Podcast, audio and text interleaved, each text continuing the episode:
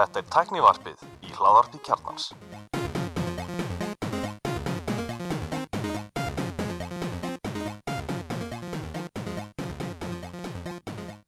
Komið þið sæl og blessuð og verið velkomin í tæknavarpið. Ég heiti Axel Pól. Ég heiti Kristján Tórs, Og ég heiti Bjarni Ben Þetta er tímamóta þáttur. svakalug þáttur. Þetta er foreldralaus þáttur. Aldrei gerst öður. Hérna eru nefnilega kvorki, hinn er förstu stjórnendur, Allir Stefán og Gunnlaugur Einir. Fögnum við þið ekki bara? Að. Nei, tjók, við söknum þér að geða þetta mikið Já, þetta verður svona takka þáttur sko. Demmt ítu vil sem takka. Já, Já, ok En uh, nóg um það, hérna, já, þetta verður alltaf, þetta er svona tímamóta þáttur þar sem að uh, strákunir eru ekki hérna og við ætlum bara að reyna að gera þessu ansi góð skil. Og uh, þetta verður örgulega eitt sá þáttur á tæknaröfnum sem við tala minnst um Apple. Ég myndi alltaf það. um, kannski byrjum bara, rumpum því af.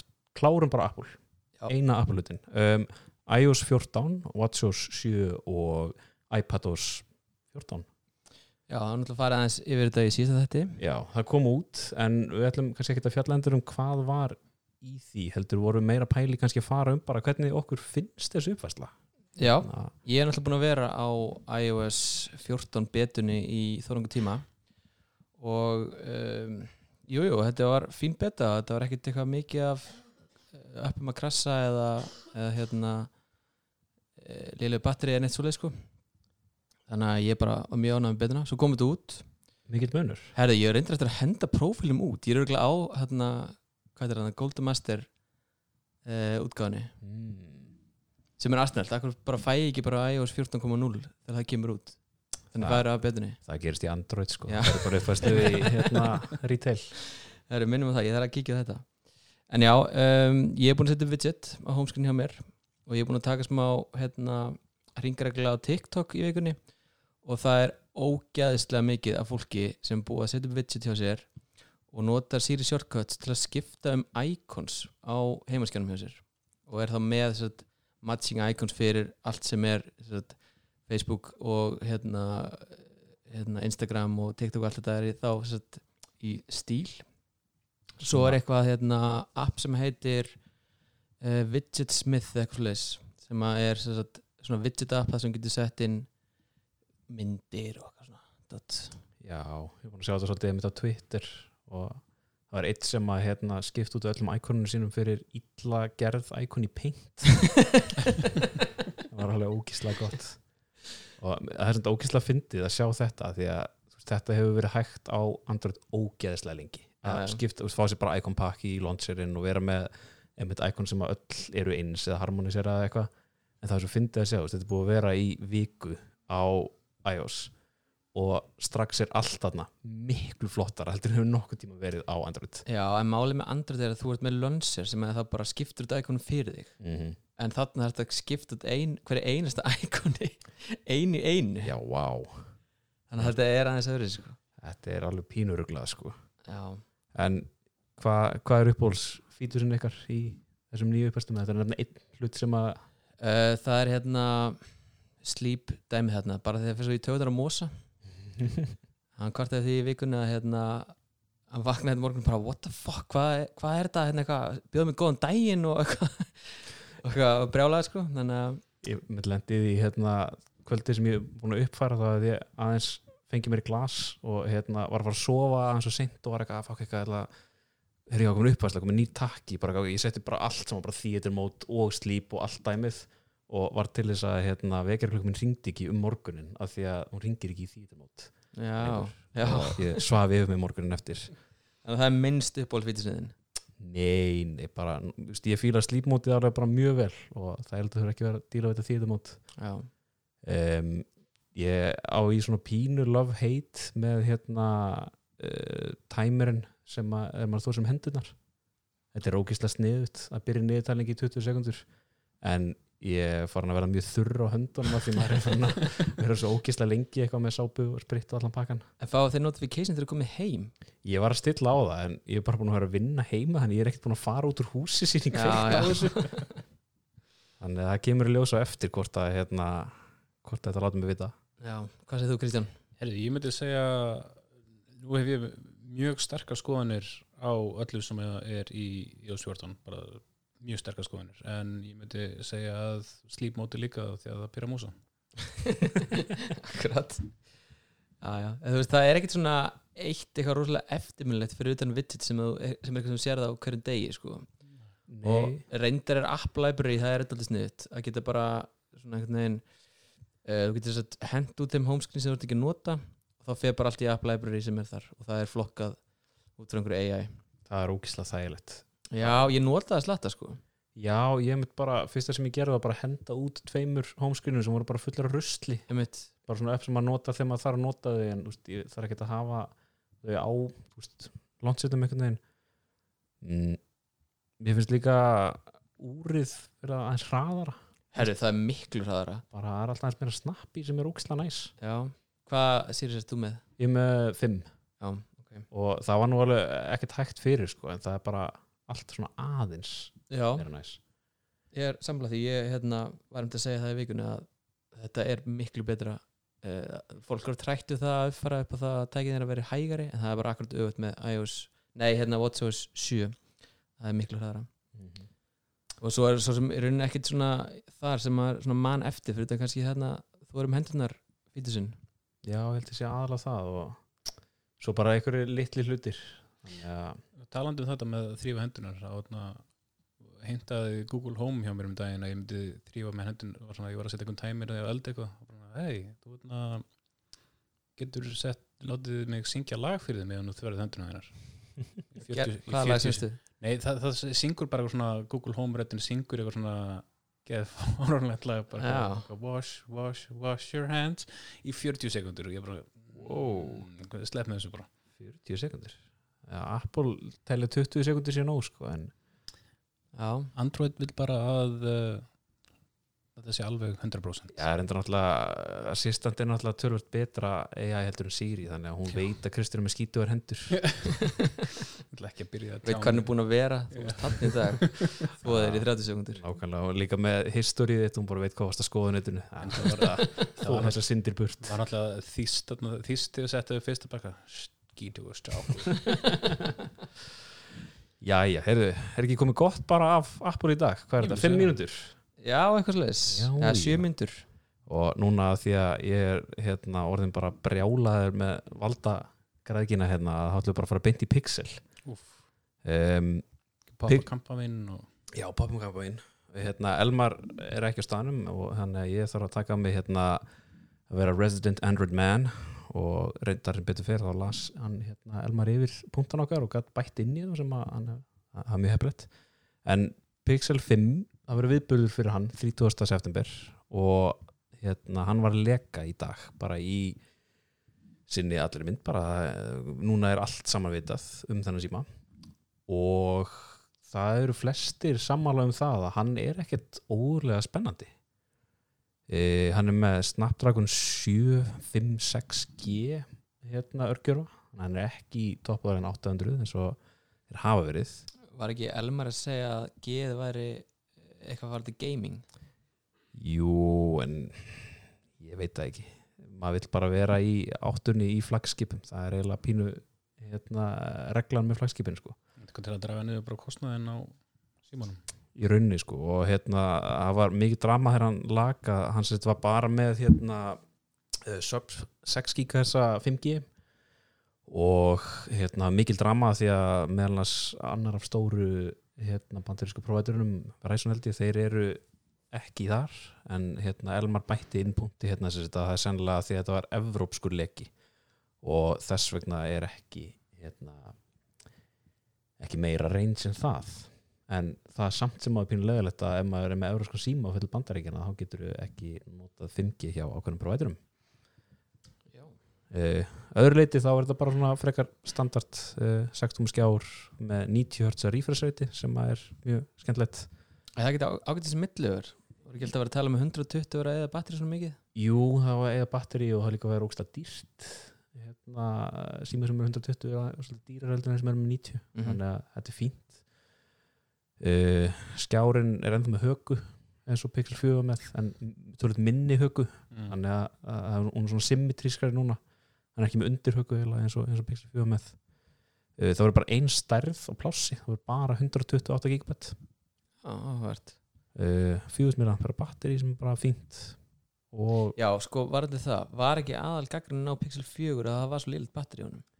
jú, lélet batteri og þessi blessaða haka og svo hérna voruð með hérna, hérna radargæðina framanna sem hefur gert alls konar svona gestures yfir símanum skiptum Já. lag með því að veifa hendinni og eitthvað Það var nú hægt á Galaxy 3, eða ekki? Jú, ég ætla að fara að segja þetta hljóma svolítið eins og svona Samsung árið 2012 eða eitthvað sko en hérna uh, þeir eru búin að taka þetta úr þannig að þetta þessi tilnum þeirra lifði ekki lengi um, svo náttúrulega líka mikið gaggrínt á Pixel 4 að hérna hann var ekki með víðlinsu þeir fóru frekar í telefótulinsu Alveg rétt, MKB Steve var brjálaður. Á brjálaður. En núna sett vera tvær linsur sem er þá gliðlinsa og telefótulinsa Ok, ekki ekki að Þetta er midrind sími.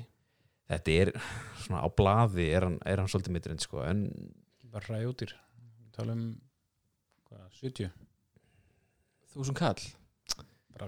Gróf gískunni ég veit, nei, ég held ekki pixarnir er alltaf verðlaðir ákveðlega hátt sko, sérstaklega hérna því þeir eru teknir með krókaliðum en það verður bara áhverst að sjá hvað verð verður á honum sko. Hérna já, eh, Erum við ekki allir læstir inn í iOS ekosystemi með úrum og Airpodsum og eitthvað svona? Jú, eiginlega sko, Airpodsarnir virkar þetta ágætlega á Android símanum sko, en það væri erfitt að fara úr úrinu nema reyndar ég sá hérna Irbergur er byrjað að selja hérna White Things úrið sem að hérna lítur ansi verið út en já, maður eftir að skoða almennilega hvernig dóma að vera að fá hann það er 30 daga batteri á því og alls konar gummilaði sko, en Já. ég held samt sem að það verði ekki já, gott og, og Apple Watch sko, þeir eiga þannig að marka þeir alveg Já. En uh, kannski bara vind okkur í næstu frétt líka svona fyrst við erum í Android síma fréttunum að hérna uh, það er komin tilkynningum viðburð fyrir OnePlus 8T Pro um, viðburðum verið 14. oktober og þá er hann tilkynntur í allir sinni mynd og hérna það búið að vera staðfesta alls konar spekka á honum uh, hann verður með, til dæmis með 120 herta skjá þannig að þeir fara hérna í, viðpixelin en það er líka verið að tala um að hann verði á tölvöld lægra verði heldur en aðrir 120 hetsa skjásímar. Þannig eru að reyna að ná aftur þessum uh, flagskips ódýra angli sem þeir hafa verið með. Um, svo líka svolítið gaman að sjá þeir eru með aðeins aðra spekka sem þeir eru með í þessum spekkarungs sítum hjá sér eins og til dæmis sem er 1100 nitt í byrtu og hann var ekkert oft sem að nittin koma fram í svona einhverjum lekum. Nei, eða í lekum, ég held að bara aldrei hætti það í lekum en bara svona líka bara mjög sjaldan þegar er eitthvað tilkynnt. Það svona helst sem mann eftir var þarna uh, Mac Pro. Nei, hérna Pro XDR hérna, Já, þetta er aðalega svona skjáum og sjónvörpum ég myndi tengja þetta með við ykkur þú veist, OLED sjónvörp eða eitthvað þannig dæmi sko. Já, akkurat en svo er hann bara eins og OnePlus gerir alltaf með ógeðslega mikið af öllu bara 4500 mAh batteri fjórar myndavélar, innbripur, öðrist allir pakkin bara. Það er ekki líka stútfullur af Facebook blótver Jú, í OnePlus símandir hafa nú alltaf verið með bloatware frá Facebook inn á sem að er mjög leiðilegt af því að þú kemst svona freka nálagt vanilla andröð með því að vera á OnePlus. Já, mjög, mjög, mjög ánæður um tíma á OnePlus Já, þetta er líka með fyrstu símanum sem að hérna er að fá uppfæslur á Android núna. Þeir eru að fá það á bara eiginlega sama tíma pixararnir sem er svolítið magna dæmi sko. Já, svona til samanböru hérna á Pro Display XDR þá er hann 600 nits en þessi sími er 1100 Já, þannig að það er ágætið spyrta myndi ég segja það er ágættis byrta. Og hvað? Og hvað? Já, ég veit það ekki. Það er nú ekkert, það á að tilkynna síman hann eða, ég veit ekki alveg hvað mikið að segja um það. Þessi sími mun koma til Íslands, Snóva hafa verið að selja OnePlus símana og Vodafone heldur líka. Mm á bara ágætis verði. Um, 70 Pro var bara allt í lægi. um, Svo er mér sýnist allan í Englandi hann með eftir að kosta ykkur 800 pund Já, og er endur eitt hérna, sem eru búin að gera núna þessu síma þeir eru ekki lengur með hérna, pop-up myndavölin eins og var á 70-num heldur eru þeir konum með hole punch í staðin sem að LG Ving er samt með hann er með svona myndavél. það, það er náttúrulega síminn sem að allir í tæknaverkunum er að fara að skipta í. Hann er orðið ákveðið svona benchmark í geggiðum símum. Eiginlega sko. Það er hann, ok, segjum hérna bara svona ég ætla að koma hérna svona með hypothetical situation. Uh, þið þurfa að velja síma svona daily driver, android síma og nú tölum um eðlilega síma ok, uh, Pixel 5 OnePlus 810 Pro eða Samsung Galaxy S20 komið til taka þetta er mjög erfitt sko. Þetta er rosalega erfitt sko. Ég hjarta segir Pixel. Ég vissi að myndi segja þetta. En Hjarta segir Pixel en hugurinn segir Samsung. Já, hugurinn segir Samsung og klófið segir OnePlus Robert svar. Það er eiginlega þannig sko en ég veit ekki, ég er að pæla kannski hvort maður er ekki bara að reyna að fá sér eitthvað næst jobb hjá Íslensku þjóðkirkjunni og hérna fara í LG síman og vera bara með krossin í símanum. Já, ég held að það sé málið sko. Maður fara að særa burt ítla anda og svona horta YouTube með hann já, hvað segir þú Kristi, hvaða síma myndir að taka? Þú varst nú á OnePlus engine Ég er búin að vera öllum sem sím er það? já, já, já. og ég hef samt lent í vandræðu með Pixel 2 og OnePlus 2 það er náttúrulega bara einhver bölvun sem ríkir á þér sko. Það Galaxy 3 hafi virkað ágæta hjá mér en ég fór ekkert lengra þar. Varst aldrei í Nexus símanum? nei, nei, nei, ég mista þeim. Þá Ég var var ekki að símaður þá, þá var ég geggjaður hérna í Galaxy 3 já, ok. Það er ok, þá er það hinn hypothetical spurningin. Uh, það er, þá eru komin út í rugl símana en þú þetta er að svara sjálfur. Já, hvað ég myndi taka? mm -hmm. Uh, ég er orðin svo miðaldra ég myndi örugglega bara taka Samsung síman já, að hann er svona safe bet sko. Pixel símin uh, ég nenni ekki að batteri verið lélegt eða eitthvað svona. Að Google nenni ekki þjónustan eða whatever. Uh, OnePlus, ég er ennþá svolítið brendrið sem þú sagði Krissi með þarna tengið. Já. það er bara svona bara svona, veginn laust og ég bara, ég nenni ekki einhvern svoleið sko. Þannig að ég held að, ég held líka pappi ég ætla að gefa pappa sjátt hann fikk sjátt í síðasta þætti frá Elmari og andra fylgum hann myndi ánæri ég fari yfir í Samsung þannig að ég ætla að segja Samsung. En já, svo ég fari yfir í hitt hypothetical hérna eh, ef ég ætla að taka ruggsíma hvort myndi taka hérna LG Wing Samsung Fold Z2 eða nýja Razerin, Razer 2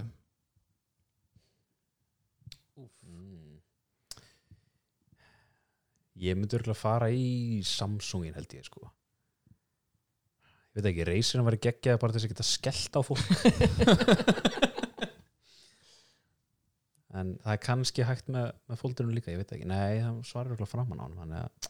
Rekla hægt en það er sens að þú brjótir skján við að skella á. Já. Er þeim ekki pínur svona skrýtningur með LG Wing? Jú, þú væri svona Gunnari Krossinu típan með wing held ég sko um, hann er þetta geggjart, hann er svo stór. Já. Góður í svona YouTube og svona. Hann er góð, já. Hann er svona, ég veit ekki eins mikið hann bara að hlæja að þessum síma þegar maður sér vídeo, þetta er svona já, já, þetta, þetta er ekki alveg jafn stúpid og lítur út fyrir að vera en þetta er samt jú, þú værir alveg, það myndi allir horfa á þig ef þú væri með hann síma sko. það er ekki segi Þannig, ja, Ég myndi taka Razerinn já, til að geta skellt á fólk Razerin er svalur sko. það er svalast sími myndi ég segja Svona getur verið svona, verið svona típan sem er svona í rektinni að öskur, eða svona öskur samræður fyrir framar hlaupahjólin Já. og sjá svona skella á bara svona ég reyður og ég vil allir viti það. Geggjað. en allavega það er viðbyrður 14. oktober við munum fylgjast með því. Já, OnePlus 8T Pro. Yfir næsta Já, Tesla, Tesla rafluðudagurinn já, Herri, það var hlutafundur í gær gærkvöldi um klukkan 8 uh, við erum að taka upp á miðgudegi, þetta var þetta þriði um, fyrir fundin þá var Elon Musk búin að segja að um, það sem er kynnt á batterideginum eða rafluðudeginum það færi ekki fjöldaframlega fyrir en eftir allan tvö ár. Þannig að um, það var smá spoiler og kjálfæri þá hérna, fjall verða hlutabreyfum í Tesla. Ég var aðeins að fylgjast með í ger Mm. ekkert eitthvað stórkostlega mikið en það er svona, það sá aðeins á. Uh, svo byrjaði ég að horfa á hana fund og þá var þetta svona dæmigeru COVID hlutafundur. Hann var sett utan dyra í bandarækjunum einhvers staðar og hlutafarnir voru allir mættir á Teslunum sínum. Parkar eins og í bílabíói. Og þetta var eitthvað það mesta köld moment sem ég séð bara í tækni sögun held ég. Af því að sko það átt vera að gera grína hérna Apple starfsfólki þegar það er svona klappa þegar hérna iPhone fyrir söl og fyrsti viðskiptin kemur og allir klappa fyrir hún og ég, eitthvað svona. Og sama þegar það er að kynna eitthvað í hérna, Steve Jobs tíð þegar fólk er að klappa og svona. En þetta var eitthvað next level dæmi. Ég hugsa bara samt, og segir þetta hugsa ég alltaf strax til að þeirra að kynna Windows 95 Bill Gates og þeir svona Steve Jobs Start me up. Það er svo mikið lúða moment. Ég elska þetta Já, mjög ég elska þetta sko. Það og developers, developers, developers. Það er held ég hérna, já, já, allavega. Um, já, og svo var hérna svo hóft hlutafundurinn og þetta var allt saman einhvern veginn rafrænt eða svona hybrid eila, fólk var staðnum og þetta var líka rafrænt og fólk ringdi inn og svona og, og hérna allt í góðu, svo var Elon Musk kynntur á svið og það klappaði enginn þannig að það var alltaf bara flöyt úr þessum Teslum hana sem heyrðist svona reglulega. Og það var svona yfir alla kynninguna meðan var að kynna þá kom alltaf svona burp, ein flöyt að hér og þar. Það var ógeðslega lúðalegt. Um, allavega það sem var kynnt þarna það var ímislegt en það er hérna eins og þú sagðir Axel bara too long didn't read.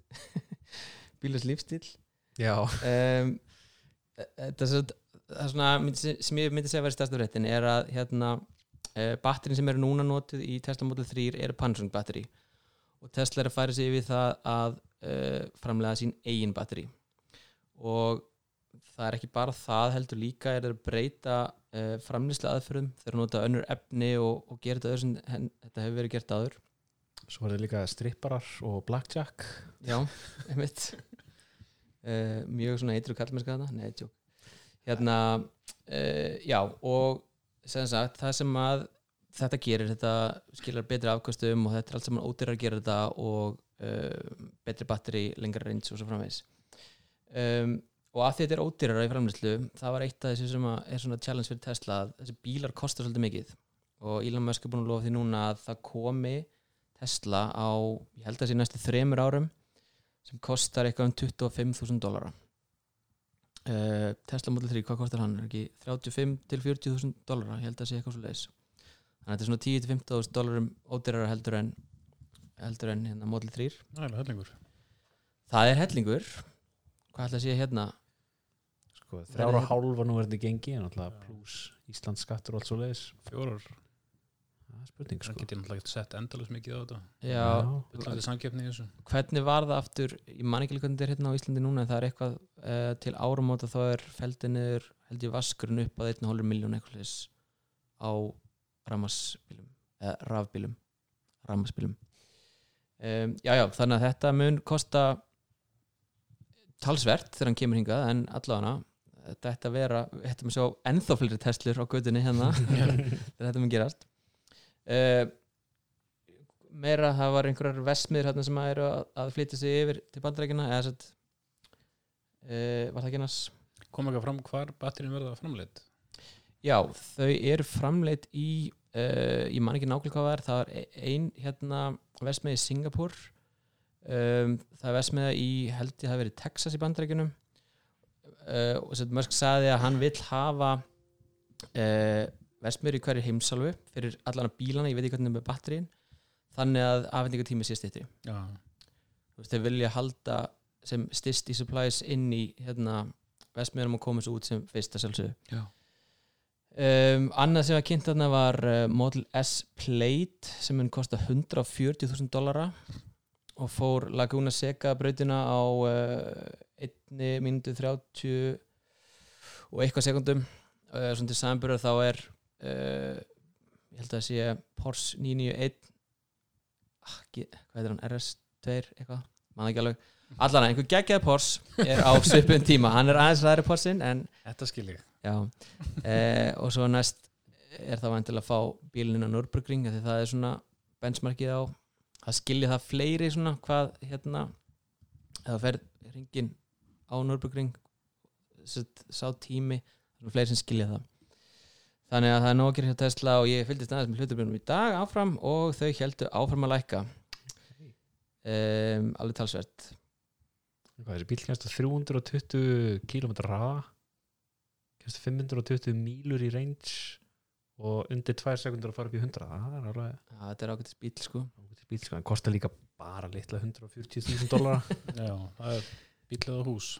Já, hvað var Roadsterna? Var það 200.000 dólara? Var það ekki 100 og eitthvað þúsund? Sjá, hann var Ég veit ekki hver er að fara að kaupa hana bíl. Það Fyrir hvernig er þetta? einhverju ruggldallar að vera að kaupa hennar bíl. MKBSD já, kaupir hann bíluna Hann forpantaði Roadsterinn Bara ríka og fræga fólkið í Beverly Hills. Já, það er náttúrulega elskar þetta hefði ég haldið. Já, Norðmenn?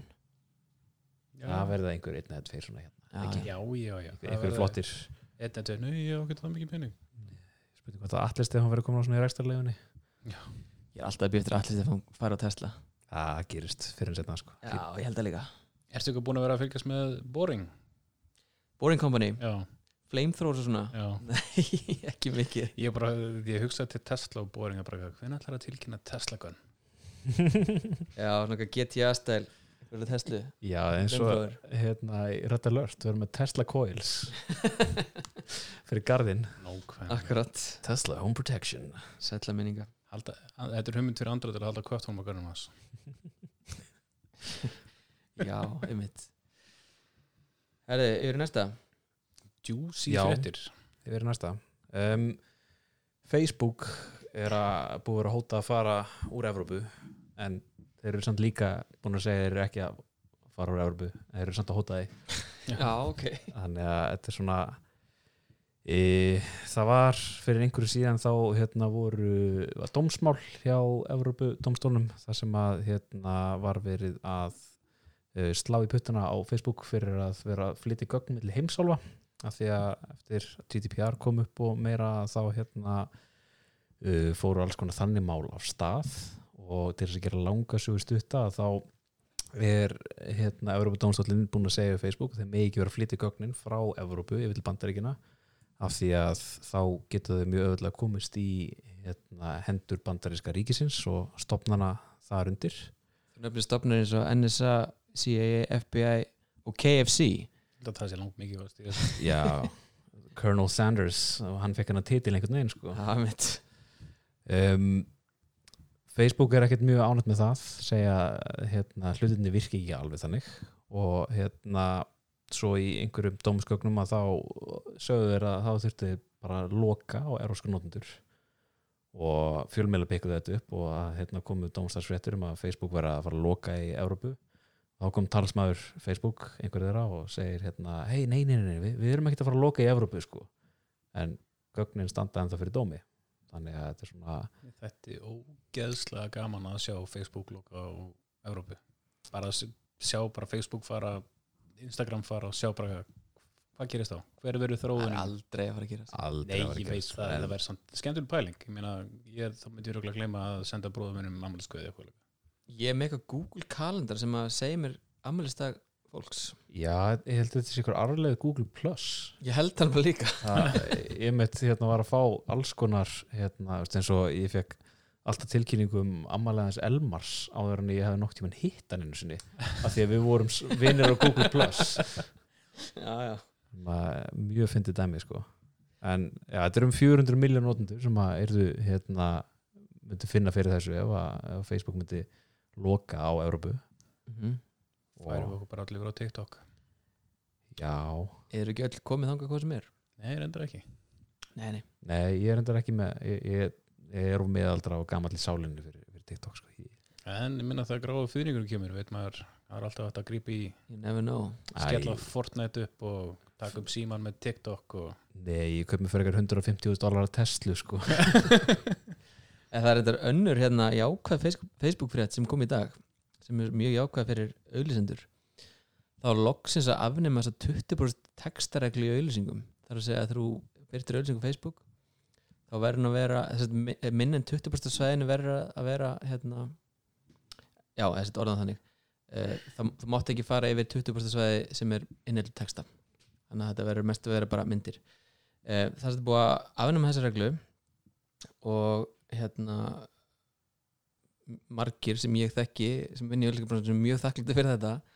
En um, Facebook mun samt refsa auðvitað ef hún er með mjög mikið texta.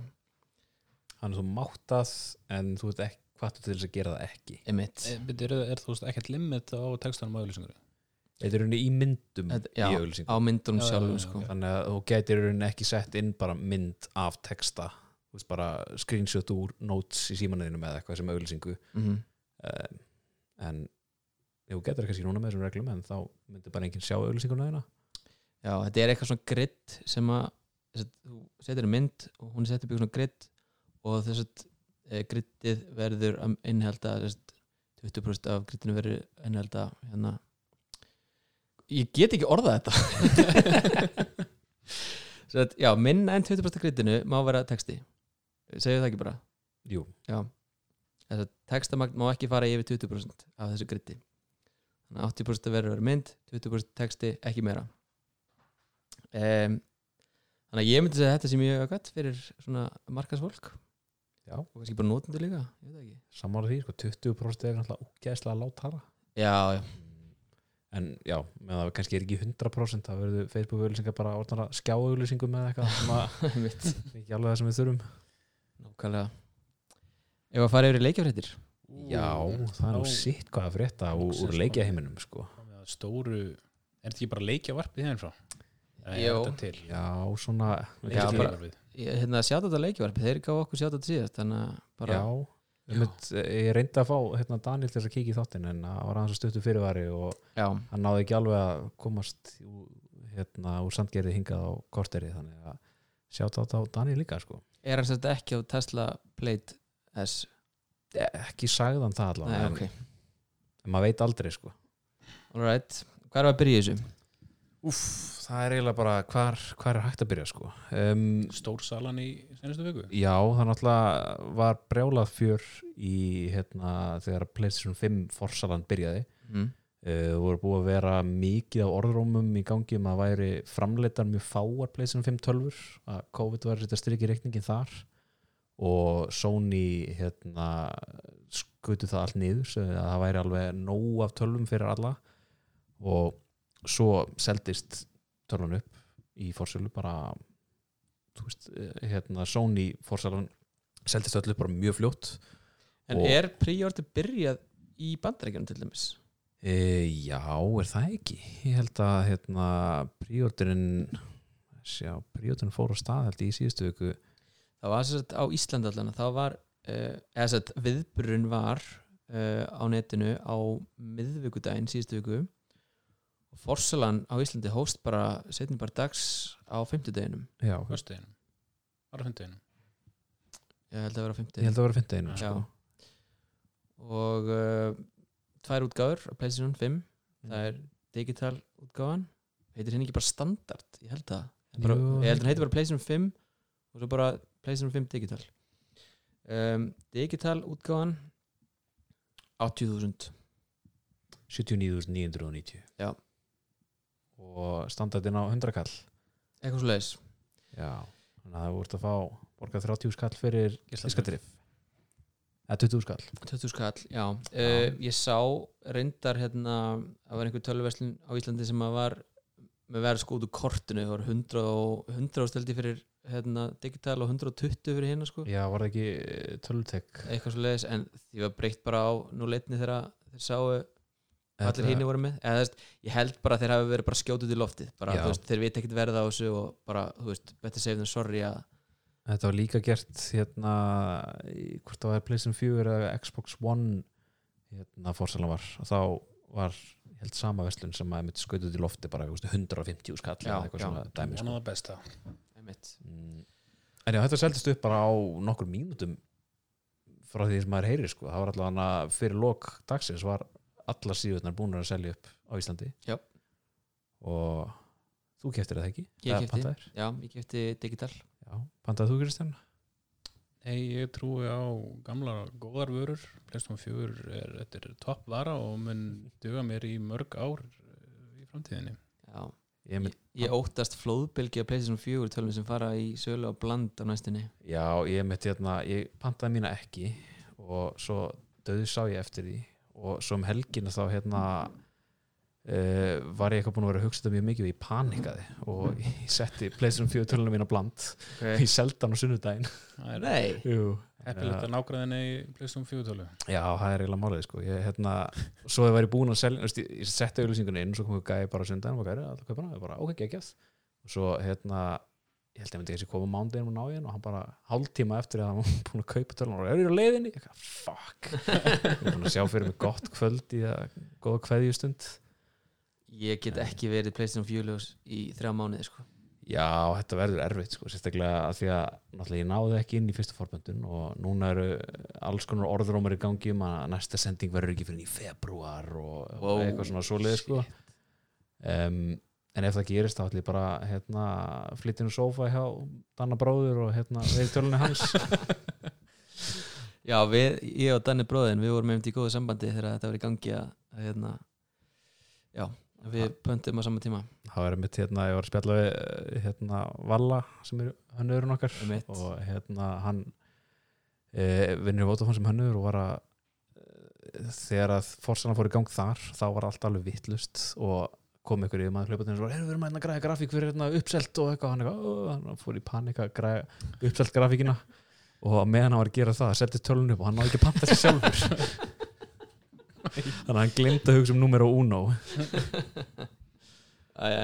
Um, Ef Vodafone var með frekar gott tilbúð geggja tilbúð sko. Ef þú ert í visktum í Vodafone með hvað, fjarskipti vantilega já og nóg er með net eða síma. Já, að þá farið auka fjastringu já, bara kaupið upp í 12 skall eða eitthvað sko. Ég hef þetta að gera þetta. Já, þetta ég, hérna, orðuð á gutunni er að það verður hérna, önnur bylgja af fórsölu um, ekki alveg staðfest hvenar en það verður á næstunni, það verður fyrir jól.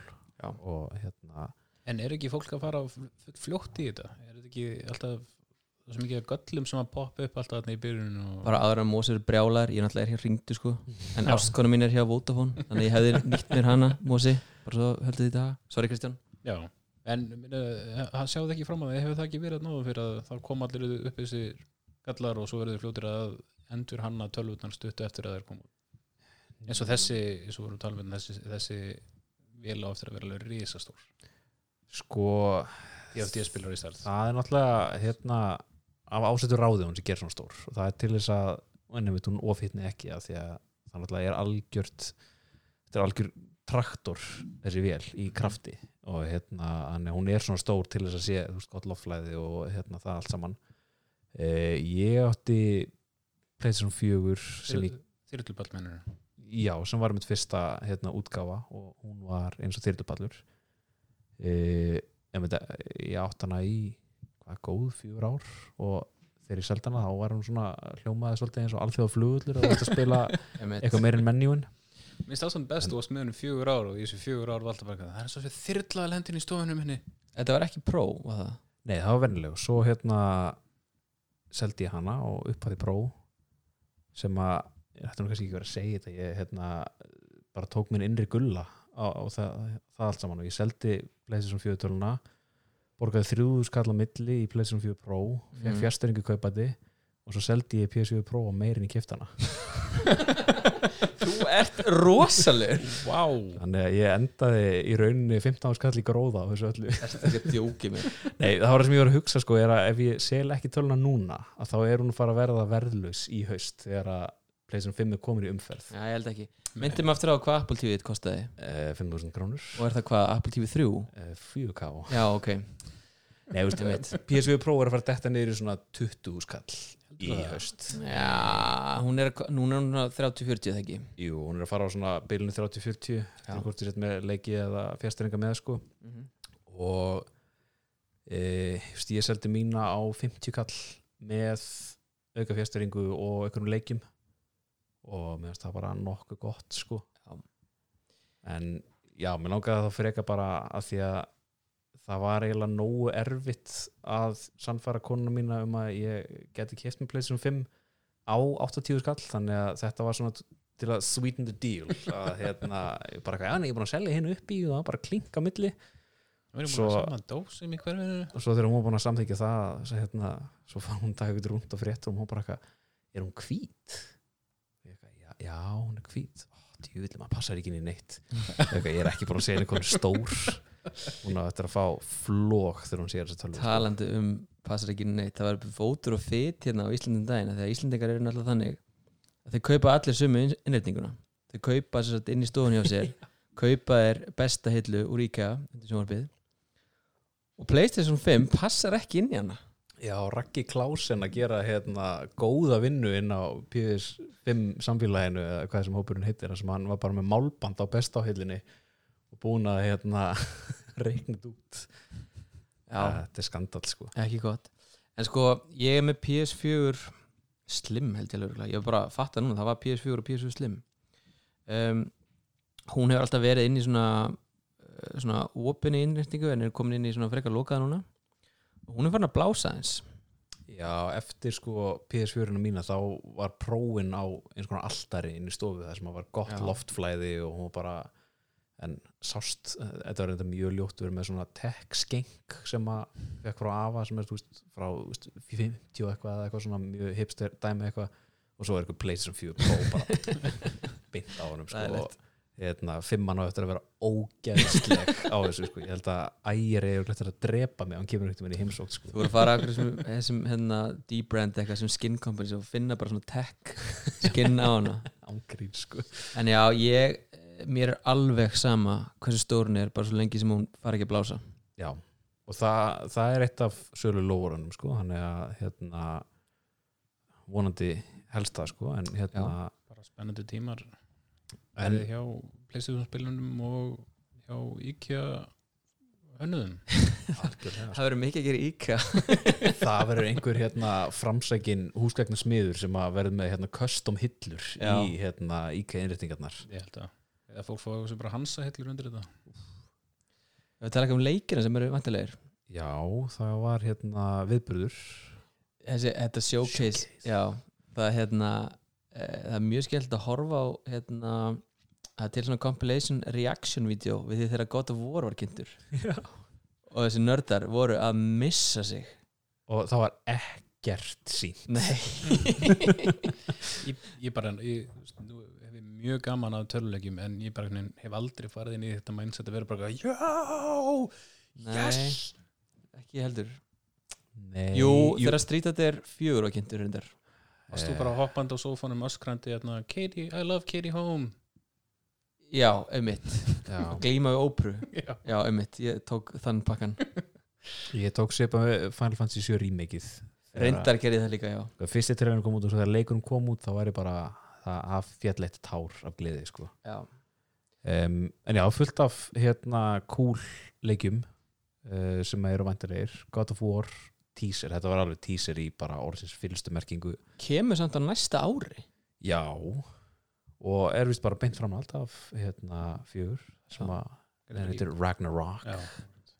heitir ekki Assassin's Creed leikur og nýja líka Ragnarok? Nei, Valhalla. Valhalla og það sem að aðal söguhetjan er vikingurinn Eivur já, þú getur spilað sem kall eða kona. Mm.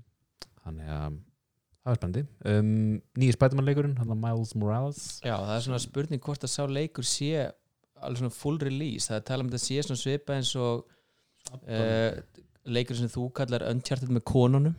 Ég? já, þú sagði það einum þættinum hérna. Ú, Jésús Uncharted Lost Legacy sem sagt eiginlega svona spin-off af Uncharted 4 uh, notaði p- eiginlega bara allt úr hinnum leiknum, nema hann var eitthvað að hlut til open world held ég. Og um, það er spurning með hennan Miles Morales leik um, hann mun gerast að vetri til. Og uh, er örgulega bara svona, já, svo, svona, svona hliðarleikur af síðasta uh, hérna, Spiderman. Spiderman 1.5 bara Já, en mér skilst að hann uh, verði líka á PlayStation 4 svo leikur já, það er alveg svolítið að þessum leikin verða á PlayStation 4 áfram. Og er þetta að fara að sjá hérna frétt á hann um að uh, það búið að tala mjög mikið um backwards compatibility, þú getur enda að spila leikina þina og þú veist 99% leikir verða uh, á Playstation 4 virka Playstation 5 segir Sony. Segir Sony. Um, en svo var eitthvað að koma fram um að til dæmis að þú átt Spiderman á Playstation 4 og er að spila á Playstation 5 að þá virkar segðið þetta ekki. Þetta er að byrja på nýtt. Gamli Spiderman. Já, já, ok. sem að er nú svolítið kjánlegt. Það er eins gott að uh, online segir mitt í GTA 5 komi yfir 2021 í hérna júni eða júli þegar hann kemur pleysin 5 og það er pínu skita akkur er hann ekki bara á launch date bara let's go það er ekki bara klassíst rockstar láta alltaf býða aðeins eftir sér og byggja hæp já þú veist það, ég get ekki selt pleysin 4 meðan ég kemst ekki GTA 5 sko. sem er tvær vélar bara. Já þetta er mikið vandamál. Já, en já ég er spennt fyrir sem Spiderman leik. Já Alveg- Spiderman fyrirleikunum var geggjaður sko, þannig að þessi ætti ekki að gefa neitt eftir sko. og fór í gegnum eh, einn og halvan tíma um daginn á YouTube uh, myndband sem að tók fyrir alla Spiderman-leiki sem hafa komið út og reytaði þá frá versta til besta spoiler alert, besti leikurinn er PlayStation 4 leikurinn. Það er bara er allt í hennum bara sagan og grafík uh, spilunin, bara allt geggjaður, þannig að þessi verður verður ekki síðri algjörlega sko. um, sko, nýjum Final Fantasy leikur Final Fantasy 16, 16 uh, nýtt kombatkerfi, mjög flottur leikur. Þetta var ekki eitthvað að tala um að hann gerist í sama heimi og 14 ég held það en Fólk var, fólk var að tala um einhverja tengingu þar eitthvað sem að lúkaði svipað. Ég er ekki alveg nóg mikið inn í uh, svona síðustu Final Fantasy en Nei, þetta, er, þetta er minna svona steampunk og meira svona medieval dæmi er það ekki? Jú, það treyður að dæma allan að Back to the roots. Virkaði það þannig sko og hérna uh, gæðin sem er á bakvið Devil May Cry er hérna einn af höfupörunum á nýja Final Fantasy leiknum. Þannig að kombatkerfið er svolítið svipað í þeim leikum þannig að þetta er aðeins hraðara heldur en ef sérst Mhm. hérna, Áhugavert. en hann, hann lúka bara mjög vel sko, þetta getur mögulega verið einn af just, ég hef ekki spilað eða nýtt af þessum setjum tíma Spilaði 15 alveg helling. Þótt- Ég hafði alveg gaman á hann Já, ég myndi sá hann er frýr á hérna, uh, PlayStation Network í næsta mánuði á samt 12 öðrum leikjum.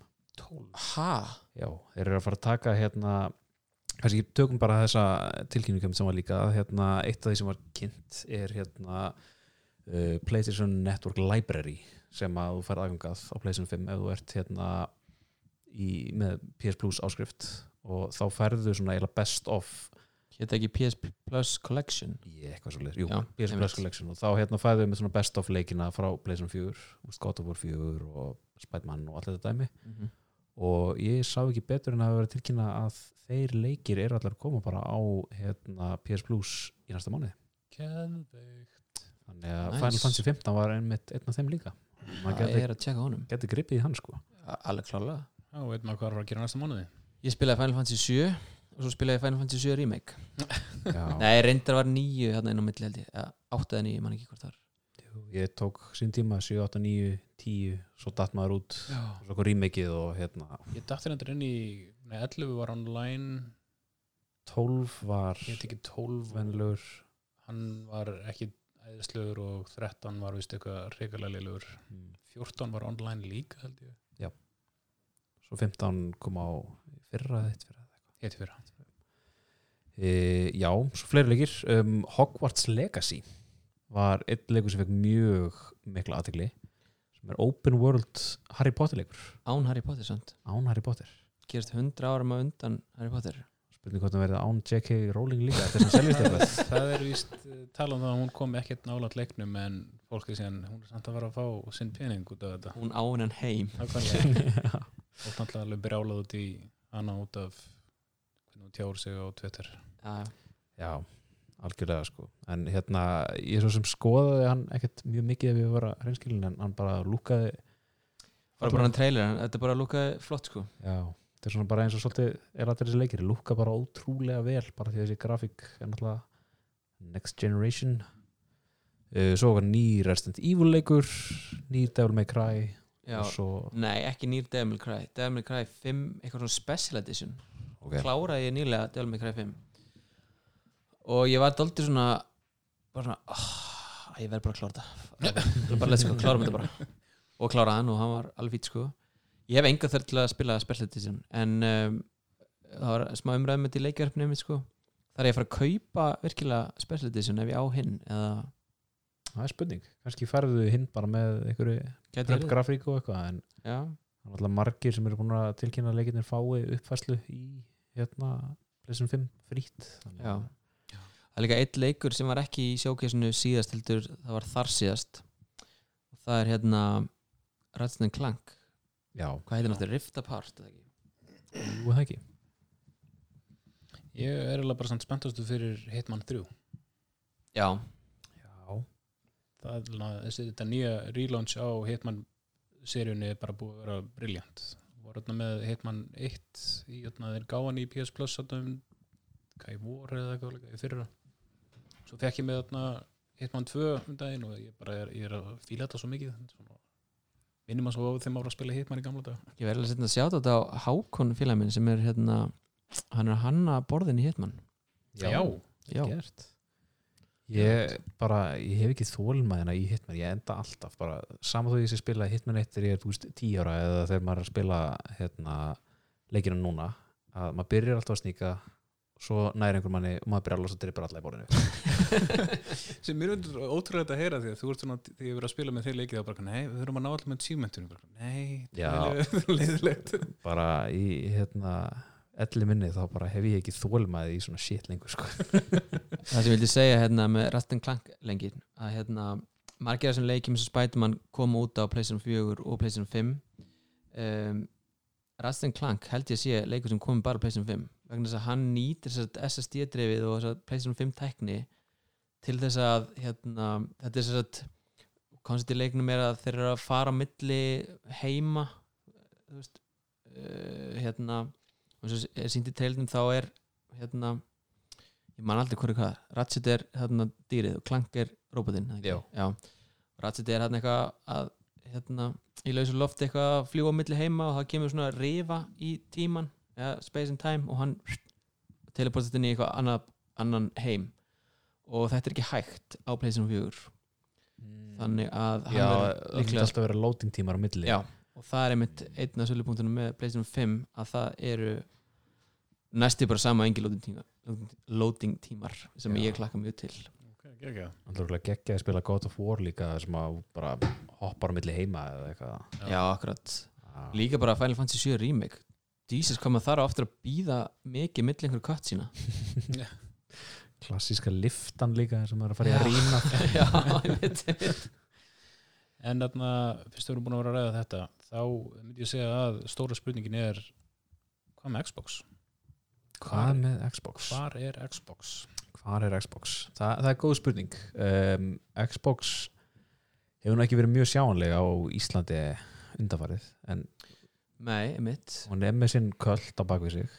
Um, og nýja Xboxin Xbox One Series X Series S. Ekki, ekki One, bara Xbox Series X. Xbox Series X ekki Xbox One X. Nei, One X er síðasta kynslu Já, um, flókin nafngift. Ég, ég er einfaldur maður og ég fíla bara 3, 4, 5 Bara ótrúlega hvernig er þetta að flækja eitthvað svona ógeðslega mikið. Og, og hvað er hvað? Hvað er ég að kaupa með One Xbox S? Eh, Það var einmitt hérna forpantanir á henni byrjuðu úti í heimi og það hérna mitt Microsoft var aðeins búið að vera að skjóta á pleysiruna því að forpantanir þeirra gengur ekkert mjög vel. Uh, svo kom í ljós að það var fullt af fólki sem að skildi ekki alveg þessa nafngift sem að hérna, Microsoft er með og pantaði sér óvart Series X í staðan fyrir hérna, One Nei, öfugt. Uh, Fantasy Fantasy One One X Sjá, þetta er fokk þetta er bara, þú veist, ég hefði endað með bara Xbox 360 eða eitthvað ef ég hefði verið í þessu forpantunarferðli sko. Bara, og var það að kaupa sér sem betri töluna eða verri töluna? Eh, það kefti verri töl það kefti Xbox Það sér það ekkert í nafninu. Ok, einföldum þetta, fullt af fólki kefti Xbox 4 og hálft af því þetta var uppfærað 4 en ekki 5 Þannig, að, mikið höfaldara Nú veit ég hvað ég er að kaupa. Shit. Já, e- þetta er flókið sko en uh, já, en það er búið að vera alveg haugur af fréttum samt svona bara Microsoft uh, leikilega séð í vikunni. Aðeins hérna um Xbox tölunar Já. uh, ég man ekki hvort að tala um þetta síðast þetta en hérna sem sagt, Series X er svona flagskipið frá þeim. Það er flotta tölvan sem keirir bassabóksið þarna. Já, passabóksi þetta er svona eitthvað svarta mónulið í í stofunni það sem passar ekki neina besta hillu um, var það 4K eða 8K gaming á þessu? Ég man það ekki. Segjum 4K fjögur gáða Já, ég held að þessi 4K uh, vegna þess að satt, Series S uh, keirir ekki í 4K hún keirir í 1440p en uh, sjónvarp geta vantilega uppskalað í 4K Já, hún er með eitthvað uppskölun og eitthvað, eitthvað dæmi sko. hún er Já. ekki með native hérna 4K þannig ég myndi segja að svo tölva sé frekar góð dýl hún er geggjað til sko. Og verðlega séð líka er þetta bara ógisla næs. Var, Og- já, fyrir ekki. Og svo ætla ég að segja líka bara þjónustilega séð því að það sem að Microsoft er núna að banka ógisla mikið á er þessar þjónustur sem þeir eru með. Að það er alveg fáralega næs bara eins og Game Passin og, og það allt saman sko. en þjónustulega sé að fá þjónustu á Íslandi Já. er svo annar mál. Já, það er hann að mál. Það held ég að við heyrt hérna orðrúm um að uh, Microsoft væri að fara í samstarf með Sega til að komast inn á Japansmarka betur með Xbox tölunar af því að það bara er ekki sens í Nintendo og Playstation þar. Við erum alveg skjótinni hérna highscore uh, þættirnir á Netflix. Geggjaðir, það farið yfir hérna sögu Nintendo og hvernig Sega kom svo inn. Og einmitt, líka eiginlega upp á þáttur minn var hérna Final Fantasy hérna listamæðin sem að var alltaf að tekningra heima og creatures og eitthvað. Og seldi það svo til Square Enix. Eða Square eins og hér ég þá og hérna það sem að var að tekningra geggjuð, geggjuð monster og svo verði áttabita og þetta var bara einhverju kassar. Geðu veikir það. Þér Polygonatin með Já, Eh, En já, það verður ekkert bólað á hérna, Xboxinni hér á landi á. Um, Ég tók um þetta rúnt í gær til þess að sjá bara hvort það væri komið eitthvað verð á hana og hún er bara, er ekki í neittni búð. Nei, uh, forböndun eða neitt. Hún lítið sem þetta koma eitthvað þar Já, það, já, já. Þannig er ekki einn umbóðsaðili fyrir Xbox 12 á landinu þannig. Nei, akkurat þannig að það er ekki sem er bara svona við þurfum að koma það sögumarkinu, við þurfum að koma þetta í samkýðin það er bara, Þannig að við skulum bara vona að vera ekki annað Red Ring of Death en það fjasko ef að einhver er að kaupa þetta hérna Nei, það var náttúrulega hræðilegt sko. Sen, fara að senda þetta út og. Getur sem ekki Microsoft á Íslandi bara farið að veist, gefa einhverjar Xbox tölur með Office 365 áskriftum eða eitthvað svona þannig dæmi sko. Já, það var endar eitthvað svona uh, fjármögnunar hérna uh, Já. leið hjá Microsoft að Jú. þú getur borgað sér Game Pass sem kostar held ég eitthvað 15 dollara 25 dollara í eitthvað tvö ár og þá færðu tölvuna og Game Pass með. Sem er geggjadíl frábært í bara pældi ég að þú getur fengið PS Plus og borgaði með 25-35 dólar og fengið töluna með. Kannski bara hoppin í þá umræðum við erum að tala um Game Pass. Uh, Já uh, það er náttúrulega búið að vera uh, stóra fréttir Microsoft og eitt af því sem að hérna, Xbox hefur oft verið svolítið dæmt fyrir er hérna, hvað er um fáa exclusive leiki. Að hérna, frambúðið af leikin sem koma bara út á PlayStation 4 hefur alltaf skarað fram úr. Það hefur alltaf verið bara Halo sem er svona landsleikur á Xbox og svo Gears of War sem er geggjaður Já, og that's it. Hvað Forza var hann ekki alltaf líka Jú, á, Forza líka. Og svo hafa Microsoft verið ákveðlega duglegir í hérna, að vera með indie leiki sem að hafa bara komið út. Já, Svo ok, Cuphead til dæmis kom bara út. Alveg Já. rétt og svo kom að setna á PlayStation. Og Ori and the Blind Forest og fleiri svona mjög flottir indie leikir sá leikur um keirir á Unity. Já, Já, en þetta komur óvart þegar þú segir þetta með að Gears of War er að er er eitthvað talað um daginn og komið Gears of War 5 eða 6 og ég bara, ha, í alvörunni ok það er líka pínu máli að hérna, þetta, þessar serjur eru orðnar svo langar og hérna, ef þú ert ekki alveg inn í þessu að þá berði ekkert sérstaklega tilfinning ég, ég spilaði Halo 1 og 2 og 3 á sinn tíma já. og nýji Halo bara heilum ekki neitt sko. uh, hann, hann kveikir allan ekki tíma sko. en um, það sem að Microsoft er búin að gera núna undanfarið, þeir eru búin að vera að kaupa rosalega mikið af leikstúdíum. Um, og þeir voru núna að kaupa áttunda leikjastúdíu sitt sem er lítið stúdíu þetta er Bethesda.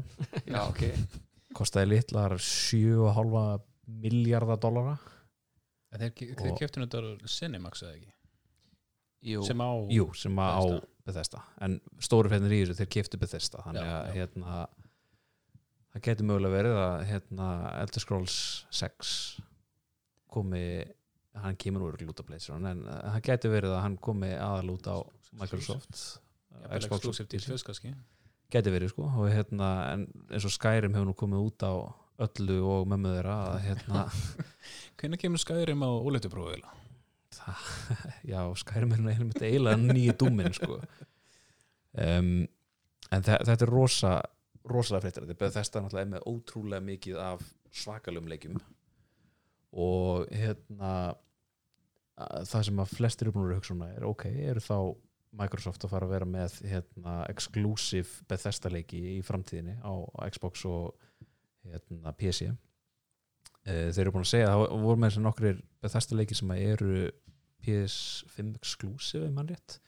Og þeir munu standast við þá samninga en svo munu þeir endur skoða alla framtíðarleiki hvernig exclusivity verður á þeim og hvort þeir komi á önnur plattform Lega bara spennandi með náttúrulega þau önnur stúdíu sem voru inn í Cinemax og svo ID Já, og eitt sem er líka mjög spennandi við þetta er að hérna, Microsoft á líka Obsidian. Fáið Fallout 5 frá Obsidian, það væri geðvegt Já, New Vegas 2 Úf, það var svo góð leikur. Já, Býtu, hvaða leikur verða aftur sem var algjört flop Fallout leikur? Var það hann 76? eða? 76 76, já, online leikur þeirra. Já, ok. Sem þeir eru bara búin að vinna í núna rúmt ár að patcha og reyna að bæta og bæta við NPC og reyna að gera hann spilalega fyrir fólk. Bara ótrúlega að sé ykkur sem enn að spila hann sko. hann var vist bara svo ógeðslega böggaður í upphafi hann var, hann var óspilandi.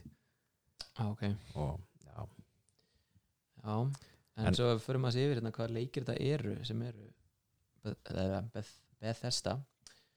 Um, Það er alltaf Doom. Já. Huge.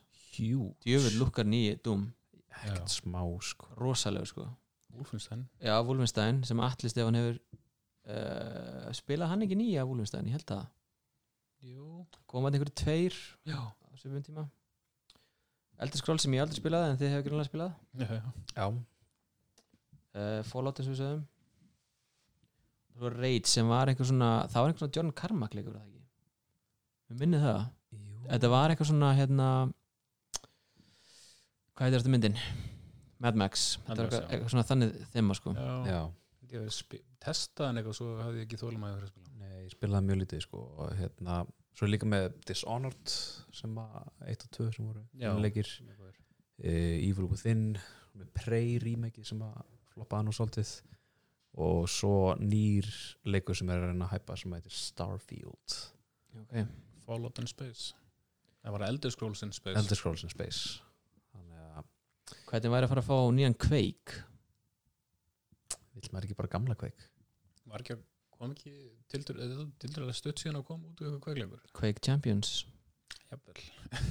Já, Greina að komast inn á í marketi núna áttu alveg í, mar, í, í sport setna í Já, áður en algjörlega. e-sport var þing og svo þegar e-sport voru þing þá bara kveik ekki næsta þar. Einmitt.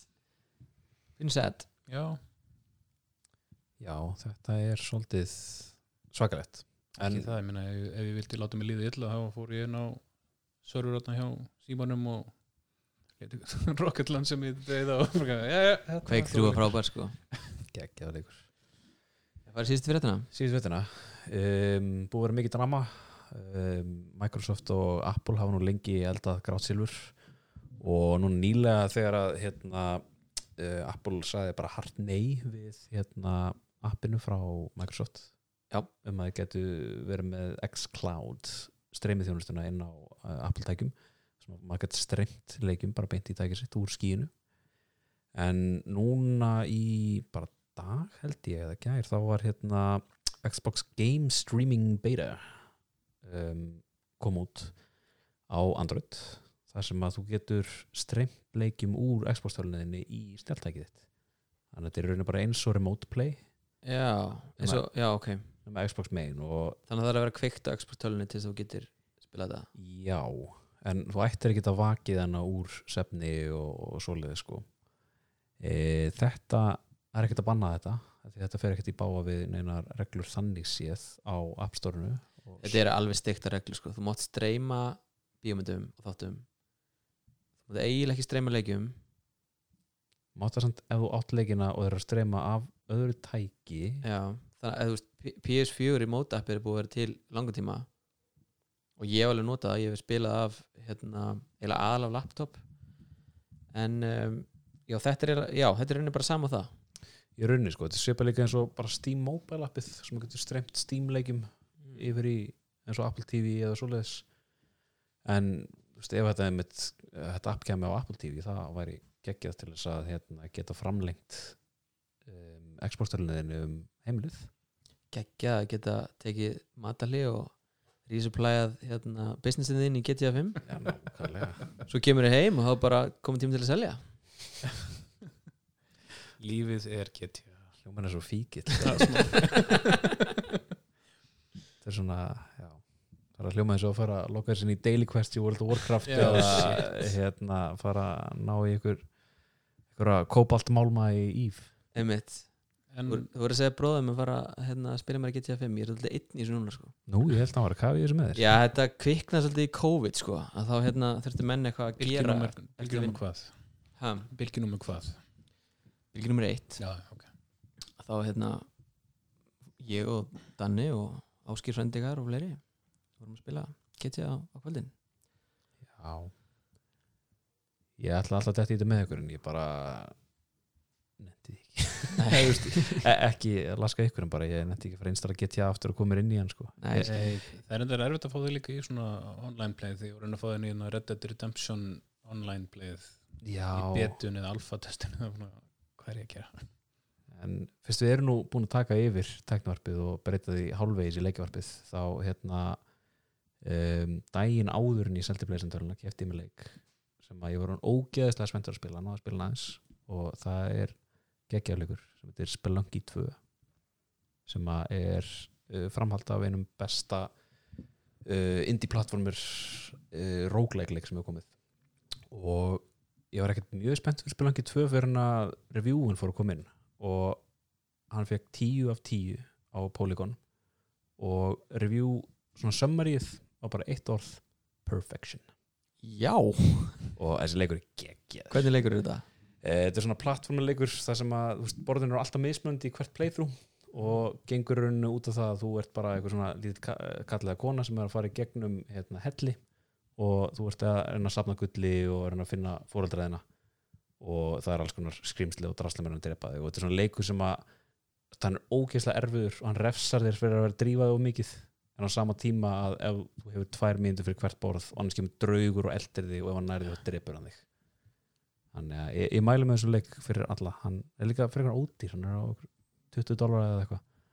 Og alveg ljúmandi góð skemmtun. Á Playstation? PlayStation og PC og Linux þetta líka og ábyggilega á Xbox fyrir ykkur tvo sem er að spila á því. Ykkur heldur. Það er ekki kannski skotið hérna inn í að hérna uh, getur ekki sagt íslenska fyrirtækið Unity? Íslands vinirnir en það er kannski meir en það. Davíð Helgason er hann ekki, hann er allan stopnandi já, þannig að við segjum þessi íslenskt. Jú, jú. það sem þetta fór á markað í kaupitinn í, New- í New York í vikunni og hérna sem fór jákvæmt já, metið á eitthvað um hvað var ekki hérna í viðskiptablæningstar 100 miljardar er nei 100 svakalega. miljardar uh, íslenska mæntilega já. Já. já, Það nei er- sorry hlutur Davíð sem er 100 miljardar Já, ég veit ekki hvað er að segja en allavega Það er Unity komið á markað í bandarækinu hljómar alveg svo tvö, þrjú flugfélag þessi maður er bunga penning um, og allir ætti að hafa ekki hlutabrif Já. frekar en ég æsla þér nákvæmlega. Ekki bara segja þetta gott í bili? Ég ég það. held að bara. Eitthvað meira? Nei, ég held svona ljómandi góðir. Um, ekki bara að þakka fyrir okkur. Jú, takk fyrir okkur og við heyrjumst í næstu viku. Takk, takk